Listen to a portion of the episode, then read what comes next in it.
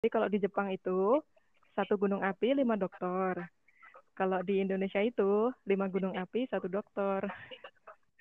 Wah, Jadi sumpah. Ya ampun.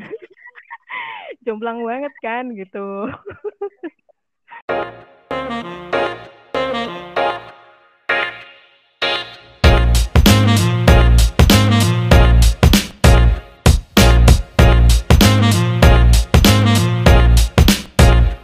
Assalamualaikum warahmatullahi wabarakatuh.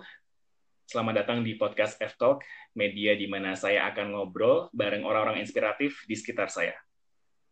Pada episode perdana ini, saya telah mengundang adik kelas saya, zaman kuliah dulu nih. Dan saya ingat banget dia ini dulu hobinya adalah makan mie ayam.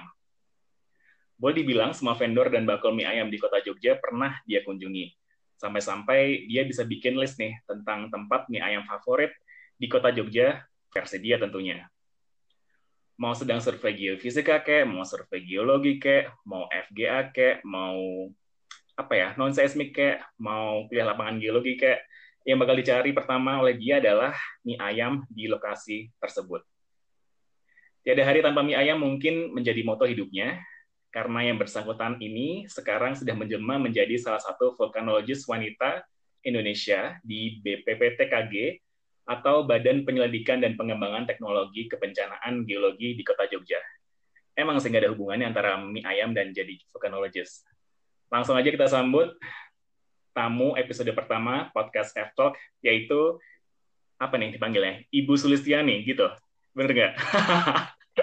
Tulis aja, Ibu. Panggil tulis dong. Aku. Sulit aja ya. Kelihatan tua ya Ibu. Loh, enggak, bukan gitu. Kan aku menghargai, karena kan kamu udah menjadi pembimbing banyak mahasiswa, baik itu skripsi atau TA kan? Iya betul sih.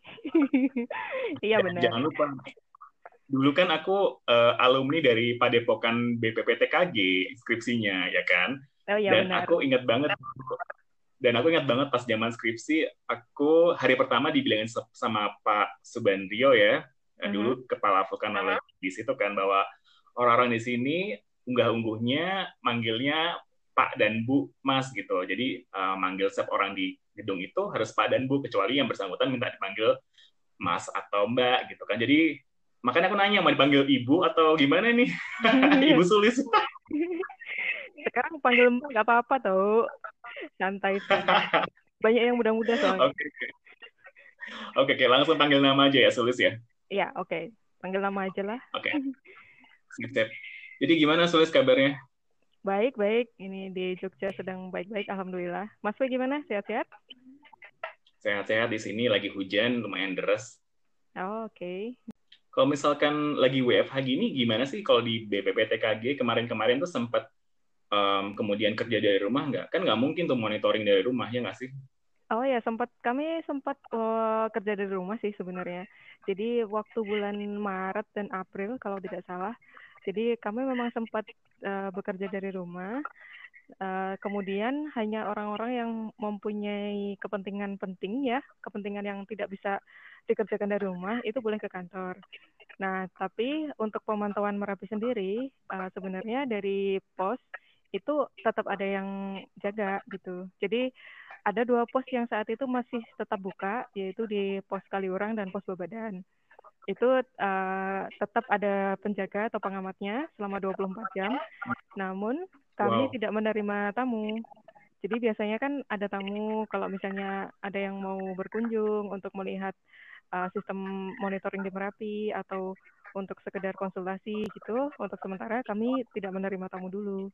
Tapi tetap ada pengamat gitu. Oke. Jadi pengamat itu adalah mereka yang ada di pos tadi ya, di Kaliurang dan di mana? Di Babadan, pos Babadan. Di Babatan. Oke, oke. Oh, Hmm. Babatan. Oh, wow. Ya, dulu aku jadi panitia OPMG di situ tuh. Apa yang tahun gitu ya? 2005. Iya betul. Bukan ya. aku, panitianya.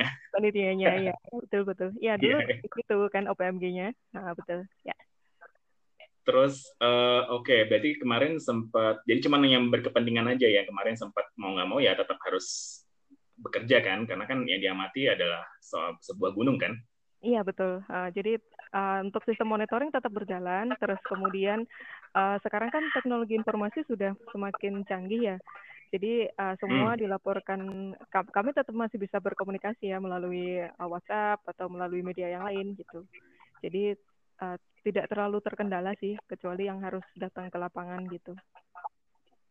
Kalau kemarin ini kan uh, situasinya koreksi kalau saya salah ya, tapi kalau nggak salah um, selama Maret April itu ketika WFH uh, alhamdulillah gunung-gunung kita aman nggak sih? Maksudnya bergejolak itu nggak apa gimana nih? Oh, ya, waktu itu malah sempat ada erupsi Merapi. Sebenarnya di bulan wow. Maret itu, eh di bulan uh, apa ya Februari, kemudian ada di bulan Maret kalau tidak salah.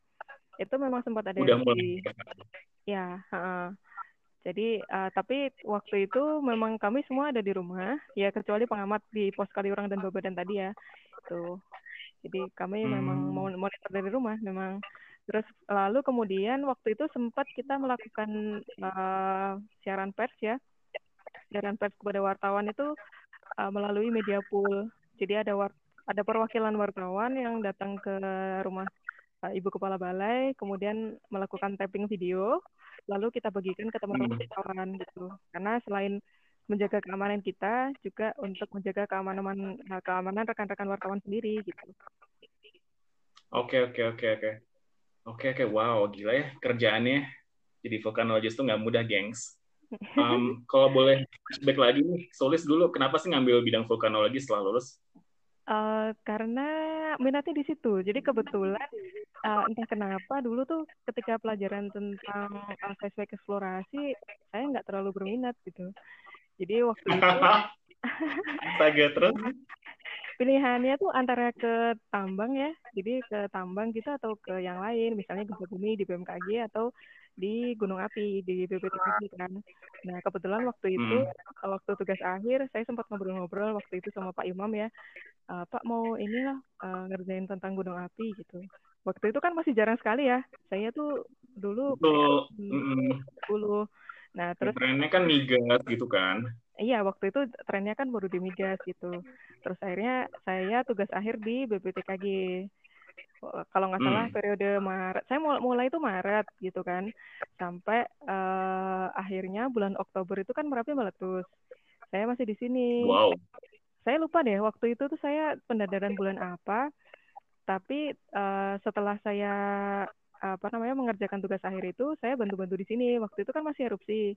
Jadi ya kita, uh, saya bantu 2010 untuk, ya ini uh, uh, merapi 2010 jadi saya bantu instalasi saya bantu setting-setting alat seperti itu.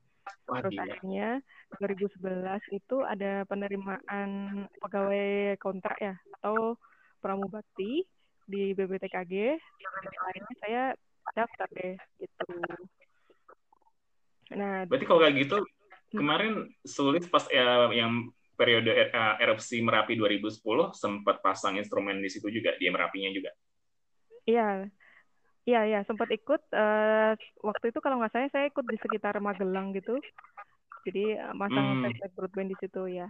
Uh, gitu. Oke, okay, oke, okay, oke. Okay. Berarti udah berapa gunung api yang udah kamu daki? Solis.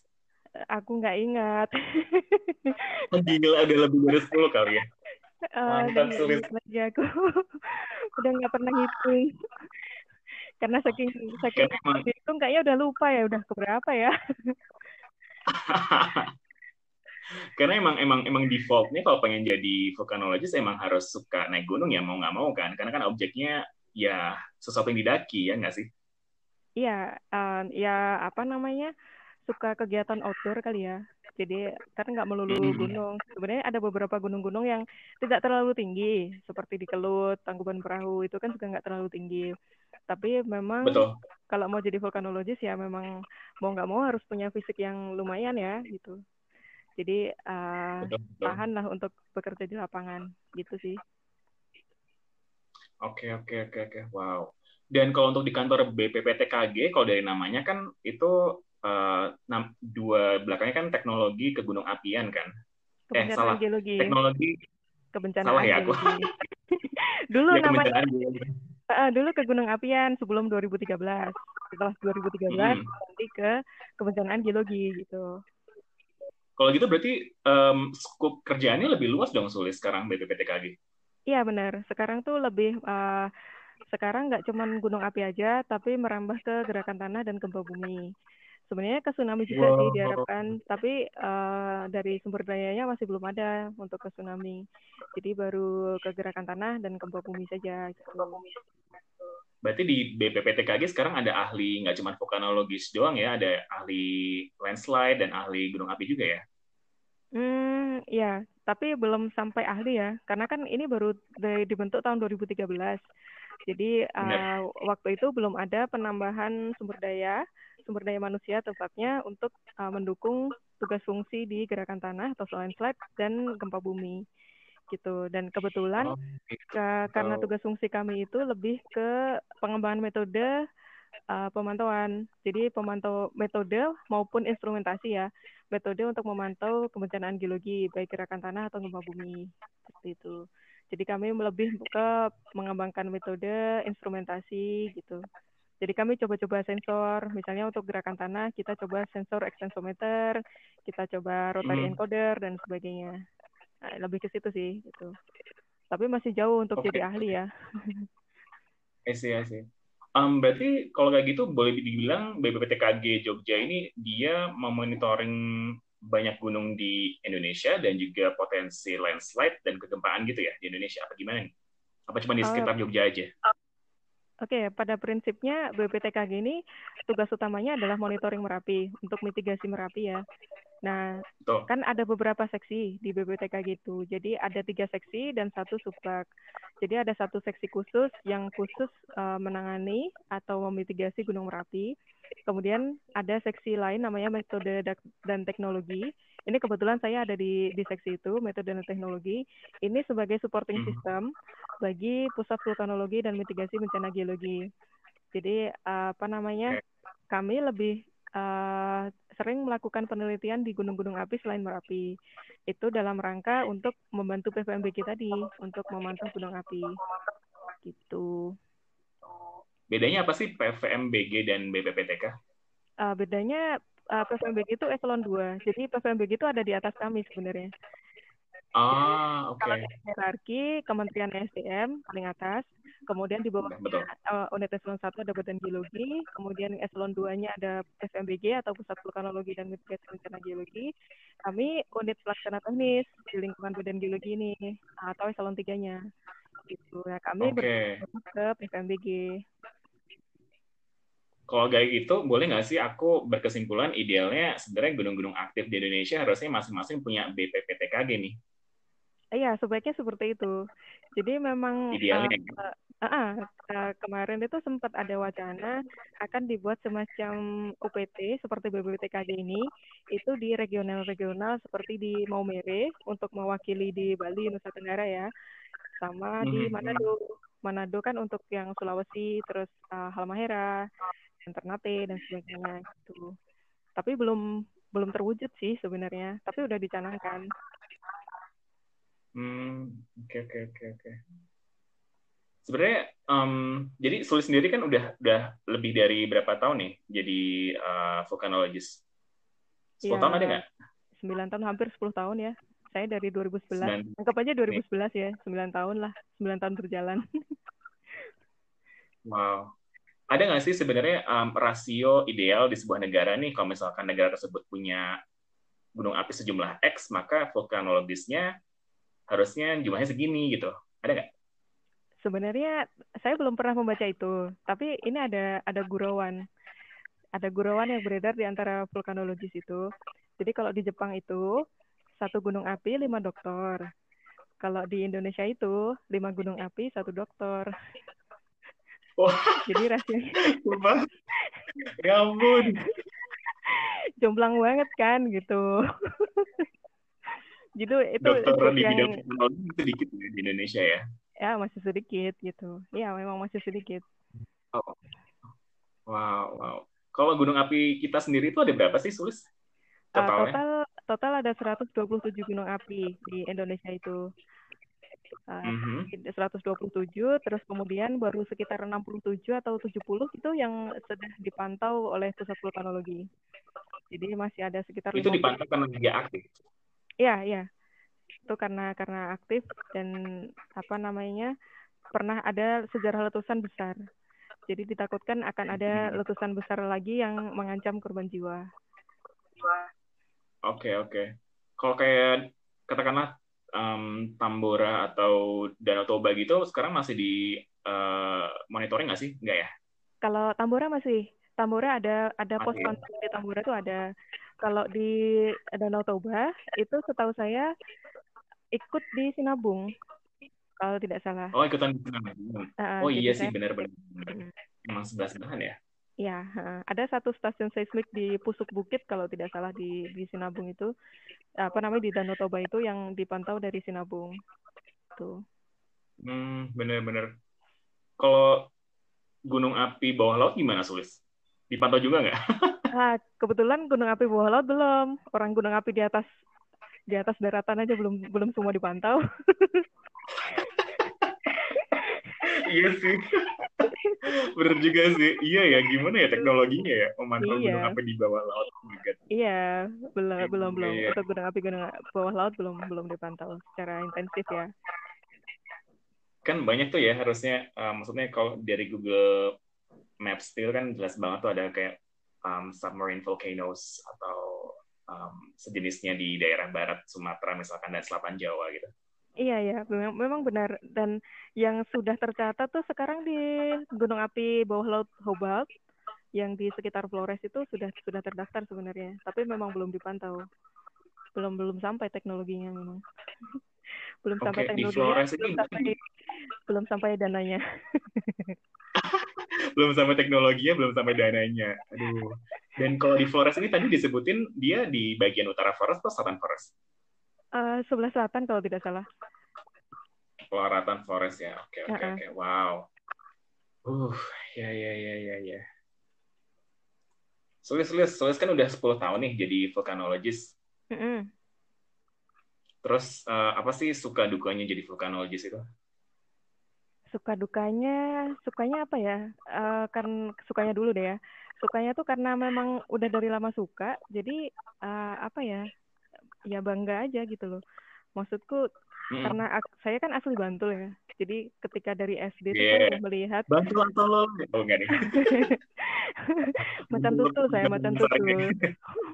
Itu. Oke. Jadi ketika ketika masih SD saya udah melihat Merapi, kemudian saya tuh kan SD Mhm. tahun 94. Aduh, buka umur ya. Jebakan Batman. Bukan aku yang buka ya, kamu buka sendiri. Iya, jadi waktu itu letusan 94 kalau Mas Fei masih ingat, itu kan letusan lumayan besar dan mengarah ke Betul. selatan, ke Betul. ke Turgo waktu itu. Jadi itu Betul. eh, glowingnya si lava flow itu, si apa namanya, Emang wedus sampai Bantul tuh? wedus gembelnya itu kelihatan dari dari dari dekat rumahku. Oh, geblek. Gitu. Padahal kamu di Bantul ya, di selatan. Jauh banget Iya di sebenarnya. Bantul, jauh banget kan gitu. Terus habis itu jadi ah, waktu itu saya mikir, aduh kasihan ya orang-orang yang di dekat sana, apa nggak takut gitu loh? Karena sampai di sini tuh kelihatan merah sekali gitu loh. Nah terus kemudian Hmm. saya coba untuk uh, bekerja di bidang gunung api kan. Sekarang tuh ya ada kebanggaan tersendiri untuk mengetahui proses-proses gunung api, terus bagaimana kita bisa menginformasikan uh, kondisi atau aktivitas gunung api itu kepada masyarakat, sehingga masyarakat tuh bisa Hmm. siap, kemudian bisa mengenali uh, karakteristik dari gunung api uh, di dekat mereka, sehingga mereka bisa mempersiapkan diri uh, apa namanya suatu saat kalau terjadi erupsi. Itu mungkin sukanya. Kalau dukanya ya banyak juga sih sebenarnya. Karena salah satunya yang paling berat adalah harus siap setiap saat ya. Jadi karena Iya, erupsi ini kan nggak kenal waktu ya. Kadang-kadang kadang-kadang pagi-pagi, kadang-kadang malam-malam, kadang-kadang tengah malam gitu. Jadi memang harus siap sedia ketika uh, diperintah ke lapangan. Jadi atau diberi tugas ke lapangan.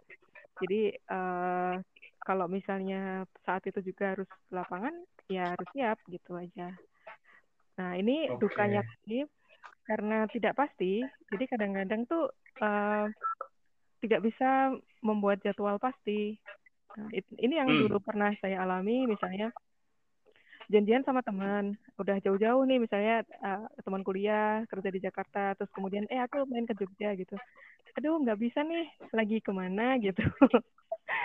Padahal kan belum tentu dalam satu tahun sekali ketemu gitu. Itu betul uh, betul. uh, uh, itu dukanya seperti itu sih. Lebih lebih Aduh, kalau saya sih iya. lebih seperti itu. Ya itu aja benar-benar.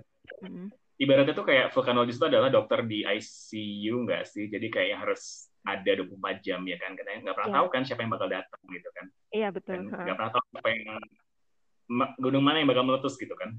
Iya betul betul. Benar-benar dan ini nih bisa ngasih ini ya apa namanya uh, rasa apresiasi kita nih buat um, para vulkanolog Indonesia bahwa kerjaan mereka tuh susah banget gitu. Karena yang dihadapi adalah benda yang dinamis ya kan? Iya, benda betul. yang yang selalu bergerak gitu kan? Kalau kita kita atau kami kami yang bekerja di dunia tambang migas kan mungkin dinamis dalam skala waktu geologi ya kan. Kalau ini kan skala waktunya sangat singkat skala skala manusia mungkin merapi lima tahunan katakanlah meletus gitu kan. Jadi sangat cepat sekali periodenya. Iya betul. dan ketebak ya kan Mm-mm. apalagi uh, gunung api itu kan unik ya. Jadi uh, antara satu gunung api dengan gunung api yang lain tuh uh, memiliki sifat sendiri-sendiri gitu. Jadi kita juga harus mengenali kayak kita mengenal teman kita sendiri ya. Jadi gunung api A ini gimana sih karakteristiknya gitu? Sejarahnya seperti apa sih gitu? Jadi kita harus harus harus pandai-pandai untuk uh, men- me- mengenali dan mencintai suatu gunung api ya. Hmm. Oke oke oke. Wow kerjaannya sulit sekali ya jadi vulkanologis. Oke, okay, um, balik lagi tentang monitoring gunung api nih. Sebenarnya idealnya dalam memonitor satu gunung api itu kita butuh instrumen apa aja sih, Sulis? Instrumen geofisika dan geodesi apa aja? Oh ya, kalau untuk monitor gunung api itu minimal ada stasiun Uh, stasiun seismik. Hmm, stasiun seismik. Nah, sebenarnya ini kita um, kalau minimalnya sih satu ya, tapi semakin banyak semakin bagus. Minimal satu tadi atau empat. Nah, kalau misalnya empat kan kita bisa memperoleh uh, posisi posenter.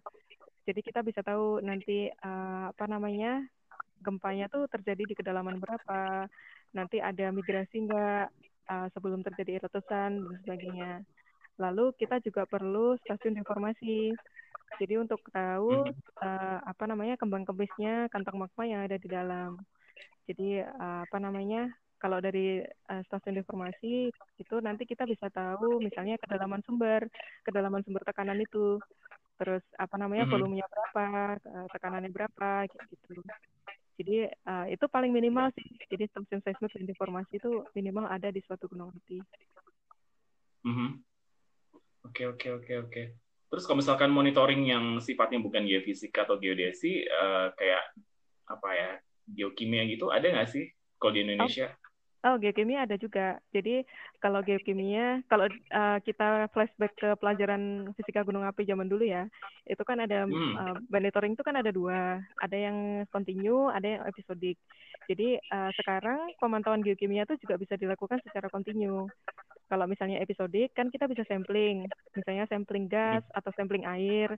Kalau di kawah ya, eh, kita ambil airnya, kemudian kita analisis di laboratorium.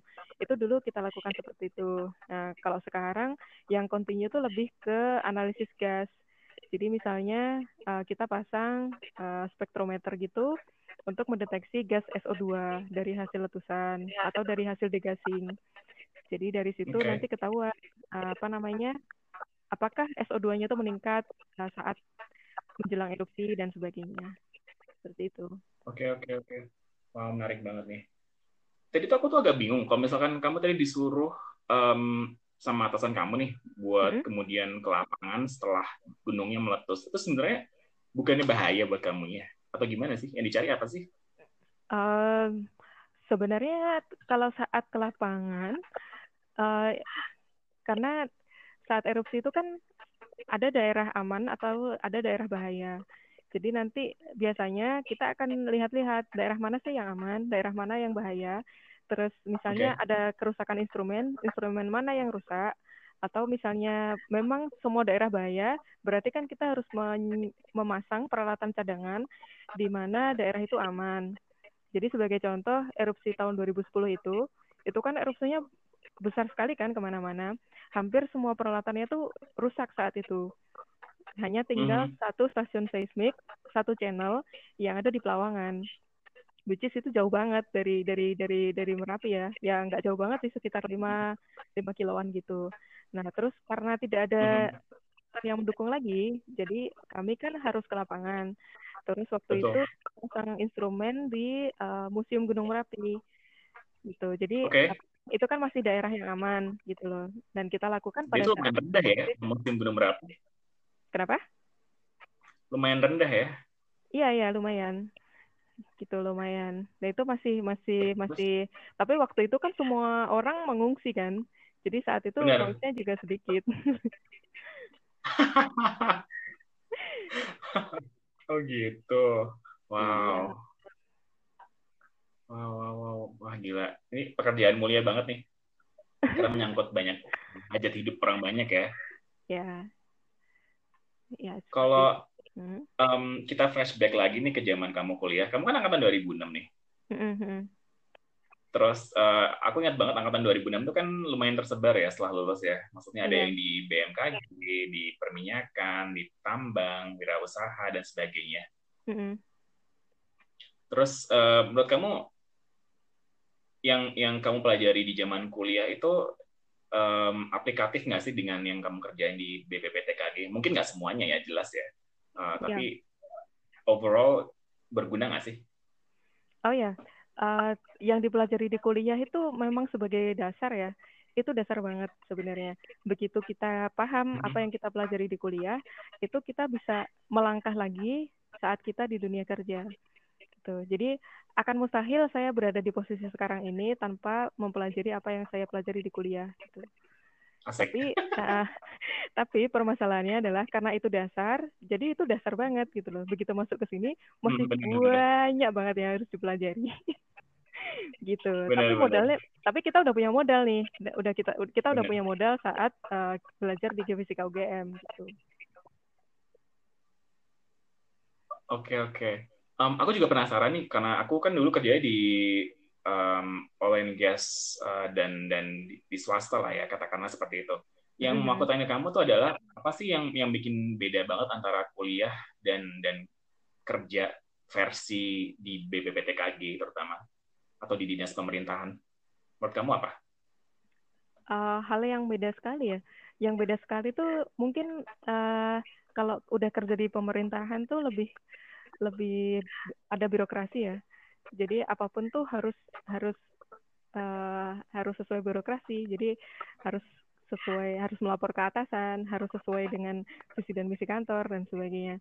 Mungkin kalau waktu kuliah kan mm-hmm. kita bisa idealis banget ya, gitu. Jadi uh, yang namanya juga peneliti mahasiswa gitu. Tapi begitu di pemerintahan ya harus ada uh, eh, SOP yang diikuti atau harus ada aturan-aturan yang kita ikuti gitu. Tapi uh, ketika sudah masuk ke penelitian dan uh, apa namanya penelitian dan juga uh, pekerjaan yang sifatnya sudah teknis, ya itu kita bisa hmm. menggunakan apa yang sudah kita pelajari di kuliah. Tuh. Hmm, oke okay, oke. Okay. juga sih kalau dipikir-pikir.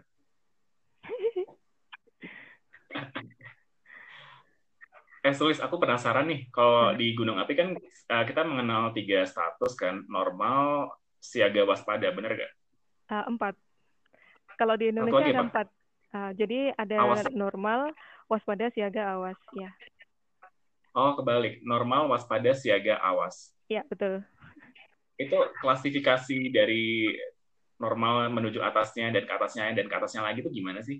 kamu bikin keputusan itu? Oh, itu nanti uh, ada berdasarkan dari data monitoring juga. Jadi nanti uh, mm-hmm. kriteria ketika hasil pengamatan dari visual dan instrumental tuh tidak ada peningkatan itu atau yang seperti biasa background background aktivitasnya itu berarti uh, tingkat aktivitasnya normal. Kemudian kalau sudah mulai ada gejala-gejalanya uh, aktivitas menuju ke peningkatan gitu biasanya dinaikkan ke waspada. Terus kemudian kalau misalnya sudah ada uh, peningkatan yang lebih jelas lagi gitu. Jadi kayak oh seperti ini dalam beberapa hari ke depan akan uh, gitu. Itu bisa dinaikkan ke siaga. Nah, yang paling tinggi okay. ini awal uh, apa namanya yang uh-huh. ini sudah bisa berupa sudah erupsi atau uh, apa namanya sudah kondisi yang sangat gawat sekali gitu yang sudah sangat okay. sangat sangat kayak ini bakal erupsi dalam waktu dekat gitu. Oke. Okay. Dan okay. untuk peningkatan status tersebut kan bisa dikuantifikasi ya. Maksudnya bisa di atau pasti ada thresholdnya dong ya nggak sih? Oh ya, uh.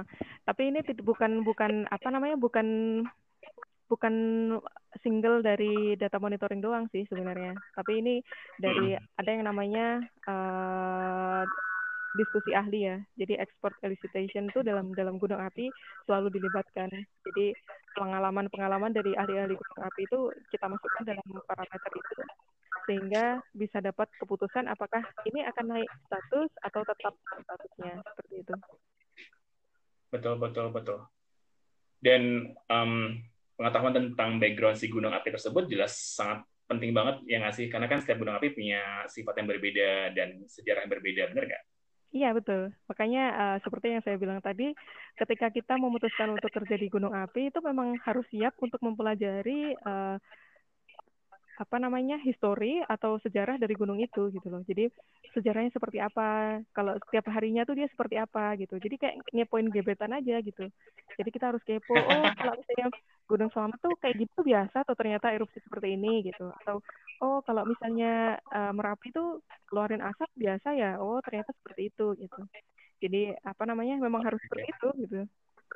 Kita harus Iya iya. Itu dia kenapa tadi itu dia kenapa tadi Sulis bilang kalau di Jepang uh, satu gunung satu dokter ya kan jadi ya udah ada spesialisnya nih satu gunung satu dokter ya kan iya yeah. ya sih enggak ada ada saintis yang yang benar-benar memahami gunung tersebut dan emang mendedikasikan dirinya buat gunung tersebut ya kan sayangnya ya, Indonesia masih ya, ya pelan-pelan ke sana ya satu berapa satu dokter lima gunung ya kata kamu ya iya satu dokter lima gunung Berarti kalau gitu boleh dibilang uh, baru ada berapa nih satu dokter lima gunung. Gunung di Indonesia 127 kamu bilang kan. Berarti tinggal dibagi lima tuh, ya kan? Iya. Berarti masih 25 25 orang dong kurang lebih. Iya, kurang lebih segitu. Sekarang sih mungkin sudah bertambah ya karena uh, era pasca 2010 itu kan udah mulai banyak banyak apa namanya penerimaan PNS lagi. Jadi itu sudah sudah mulai banyak yang sekarang sekolah ke S3. Oke, oke, oke. Wow. Mantap, mantap.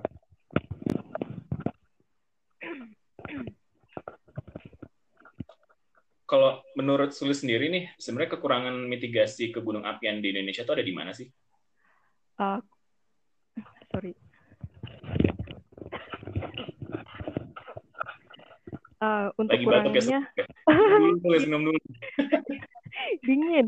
Uh, jadi ya kan makan mie ayam, mie, mie ayam samping BPPTK gitu. Ada nggak sih? Eh seberangnya ya?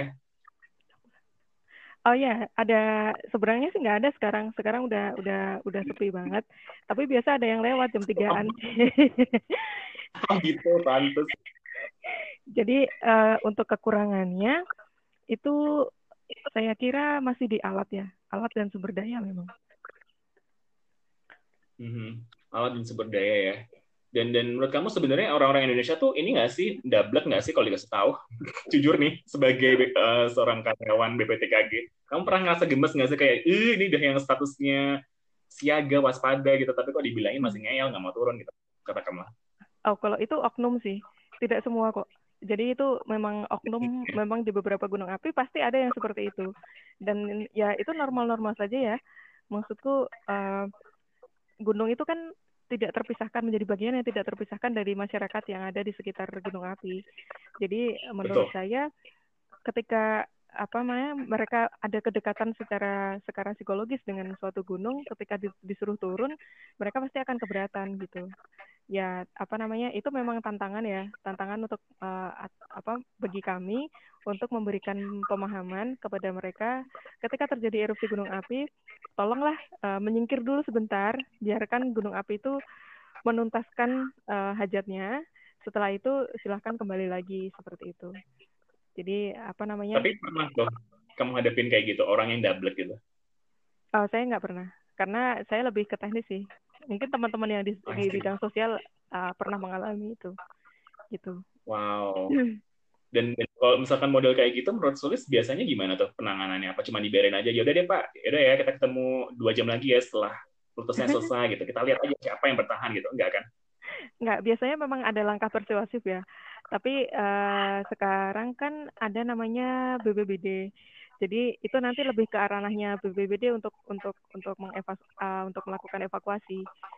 Jadi oh, iya, uh, apa uh, jadi udah ada pembagian pekerjaannya sih. Kalau BBBD kita memberikan warning dan rekomendasi, kemudian nanti yang take actionnya si BBBD dan pemerintah daerah gitu. BPPD itu badan BBBD Badan Penanggulangan Bencana Daerah. Itu nanti di bawah okay. BNPB. Dan di setiap Mobil daerah pasti ada ya? Uh, seharusnya ada, tapi ada beberapa daerah kayaknya yang belum ada. Tapi biasanya sudah ada. Hmm. Oke, oke, oke, oke. Oke, oke. Hobi banget kan orang oh. Indonesia bikin singkatan-singkatan. Iya, iya, panjang, iya ya. Kirain bingung nggak? nggak sih bank pemerintah pusat daerah ala apa sih? Ternyata lain lagi gitu. Iya sih panjang-panjang. iya emang ribet emang. Terus um, kalau kamu uh, selama 9-10 tahun berkarir ini, apalagi di, di bidang kegunung apian, pernah nggak sih ngalamin yang namanya kayak um, hal mistis yang biasa datang dari warga masyarakat sekitar gitu ya yang yang menghuni di lereng gunung api tersebut yang kemudian dikait-kaitan dengan monitoringmu yang secara saintifik tuh uh, emang punya dalil gitu kan secara fisika dan secara geologi, secara kimia gitu. Pernah nggak sih terjadi clash gitu yang kayak uh, apa kamu bilangnya kayak wah ini bakal meletus nih tapi orang-orang bilang wah ini belum kelihatan mbak apa namanya wadah gembel petronya misalkan kayak gitu apa kayak gimana nih kayak semacam uh, kalau, itu pernah nggak sih kalau ketemu langsung nggak pernah. Saya tidak pernah. Mm-hmm. Jadi ya, mungkin teman-teman yang lain ya, yang di pengamat mungkin mungkin pernah karena mereka bersentuhan langsung dengan masyarakat kan. Kalau saya kan nggak nggak nggak secara langsung ketemu dengan masyarakat. Jadi tidak pernah ada yang hal-hal seperti itu sih. Kebetulan. Tapi kalau misalkan misalkan ada yang kontra kayak gitu, maaf, uh, terus menyikapinya gimana dong BPPTKG menurut kamu? Uh, ini berarti arahnya lebih ke kearifan lokal ya, lokal wisdom kan ini? Iya. Kearifan uh, kalau... lokal apa? Iya ya, lama nggak dengar terus terus. Jadi kalau menurut pendapat saya pribadi, saya sih uh, menghargai kearifan lokal itu seperti apa, asalkan itu masih masuk akal. Jadi uh, seperti okay seperti contohnya di gunung-gunung uh, Gunung Merapi kalau tidak salah atau di gunung api yang lain juga ada ya. Jadi masyarakat yang di atas tuh menanam pohon bambu di atas. Jadi hmm. mereka kearifan lokalnya itu ayo kita tanam pohon bambu di atas gitu loh. Nah, itu ternyata uh, kalau misalnya terjadi awan panas atau lava flow ya, itu kan pohon yeah. bambu itu kan suaranya kotak-kotak kotak-kotak kotak gitu kan. Nah, itu okay. tuh bisa seperti early warning gitu loh. Jadi apa namanya? Oh kalau misalnya itu terjadi malam hari misalnya yang semua orang lagi tidur nah ketika ada awan panas ya itu membangunkan kita gitu loh. Nah hal-hal seperti itu yang yang memang sebaiknya kita lestarikan gitu loh. Jangan jangan kita oh, itu nggak boleh bla bla bla gitu. Tapi ya itu kearifan lokal yang memang diturunkan turun temurun gitu loh. Jadi tapi harus kearifan lokal yang masuk akal loh ya bukan yang uh, saya dapat mimpi ini tidak jadi meletus gitu. Itu kan tidak ada tidak tidak bisa dimaksud ya gitu benar benar benar benar oh gitu. Tapi um, alat monitoring bidang vulkanologi itu kan banyak juga yang sering dicuri ya Sulus ya? Oh ya sering sering sering sering. sih maksudnya bisa di trace nggak sih siapa yang nyolong? Atau atau ya udah deh kalau misalkan dicolong sama warga mau gimana lagi? Kita pasang lagi deh gitu. Bulan depan gitu gimana Uh, sebenarnya agak susah gitu. Kalau misalnya sudah dicolong, misalnya udah udah dicuri ya gitu. Mau lapor polisi pun sebenarnya juga ya percuma ya, gitu karena iya, ya kita nggak nggak punya bukti satu. Terus yang kedua nanti kan jadi ribet. Harus bikin laporan sana sini gitu. gitu sih. Jadi mana yang bisa kita selamatkan, kita selamatkan. Kalau ada dana, ada barang, ya kita pasang lagi gitu aja lah. aduh, aduh, aduh kasihan banget nih jadi vulkanologis di Indonesia. Nggak didukung sama masyarakatnya sendiri ya kan? Uh, tapi itu uh, udah lama sih zaman zaman dulu ya. Kalau yang sekarang uh, di gunung-gunung api yang memang apa namanya tingkat aktivitasnya tuh kelihatan biasanya enggak jadi sudah sudah Dibikin masyarakat sudah sendiri. sudah mulai ikut menjaga gitu. Oke oke oke oke. Benar-benar. Ya bagus lah kalau gitu Sulis, ini aku pernah dulu uh, ikutan webinarnya Herlan ya, Pak Herlan, hmm. uh, dosen Geofiskal UGM, uh, hmm. sekitar bulan April lah gitu. Terus uh, ada pertanyaan yang uh, saya udah nanyain ke dia, tapi saya pengen tahu nih jawaban dari seorang Sulis gimana yang yang secara langsung kamu kan teknisi dan bekerja hmm. langsung dengan data-data live di sebuah gunung kan. Hmm. Uh, pertanyaanku tuh simple banget sebenarnya. Uh, kamu tahu klasifikasi event Merapi Pak Purbo kan ya tahun 2000 itu papernya? Iya, iya. Ada VA, VB, dan empat klasifikasi itulah ya, yang kita mm -hmm. zaman gitu. Terus um, itu adalah, itu kan event yang disarikan oleh Pak Purbo menggunakan data Merapi mm -hmm. dari waktu tertentu kan. Kalau nggak salah dari nggak tahu nih 90-an atau dari 80-an kali ya pokoknya terus kemudian diklasifikasikan jadi empat size event Merapi gitu kan. Terus pertanyaanku adalah um, dengan sifat Merapi yang sudah berubah katakanlah maksudnya kan sekarang udah kata-kata katanya orang sekarang udah yang apa Merapi udah nggak meletus setiap lima tahunan sekali terus kemudian geger boynya udah ambrol dan segala macam um, hmm. dan dan apa ya sifat erupsinya udah berubah maksudnya hmm. tidak mudah diprediksi lagi um, hmm. nggak sih niatan dari BPPTKG itu untuk merevisi uh, klasifikasi tersebut. Mungkin ada kayak event baru nih yang nggak nggak dilihat sebelumnya oleh Pak Purbo, nggak kelihatan di tahun paper tahun 2000. Buat kamu gimana? Mungkin ada waveform yang baru nih. Oke, okay, ya. Jadi memang uh, karena sekarang tuh alat-alatnya juga lebih canggih ya. Kalau dulu kan mungkin mm -hmm. baru pakai short period uh, seperti LM4C dan sebagainya. Sekarang kan sudah pakai seismometer yang uh, apa namanya frekuensinya uh, jauh lebih rendah gitu memang sekarang tuh ada beberapa waveform waveform baru, tapi sebenarnya klasifikasi dari Pak Purbo itu masih valid untuk uh, masih valid atau masih berlaku gitu.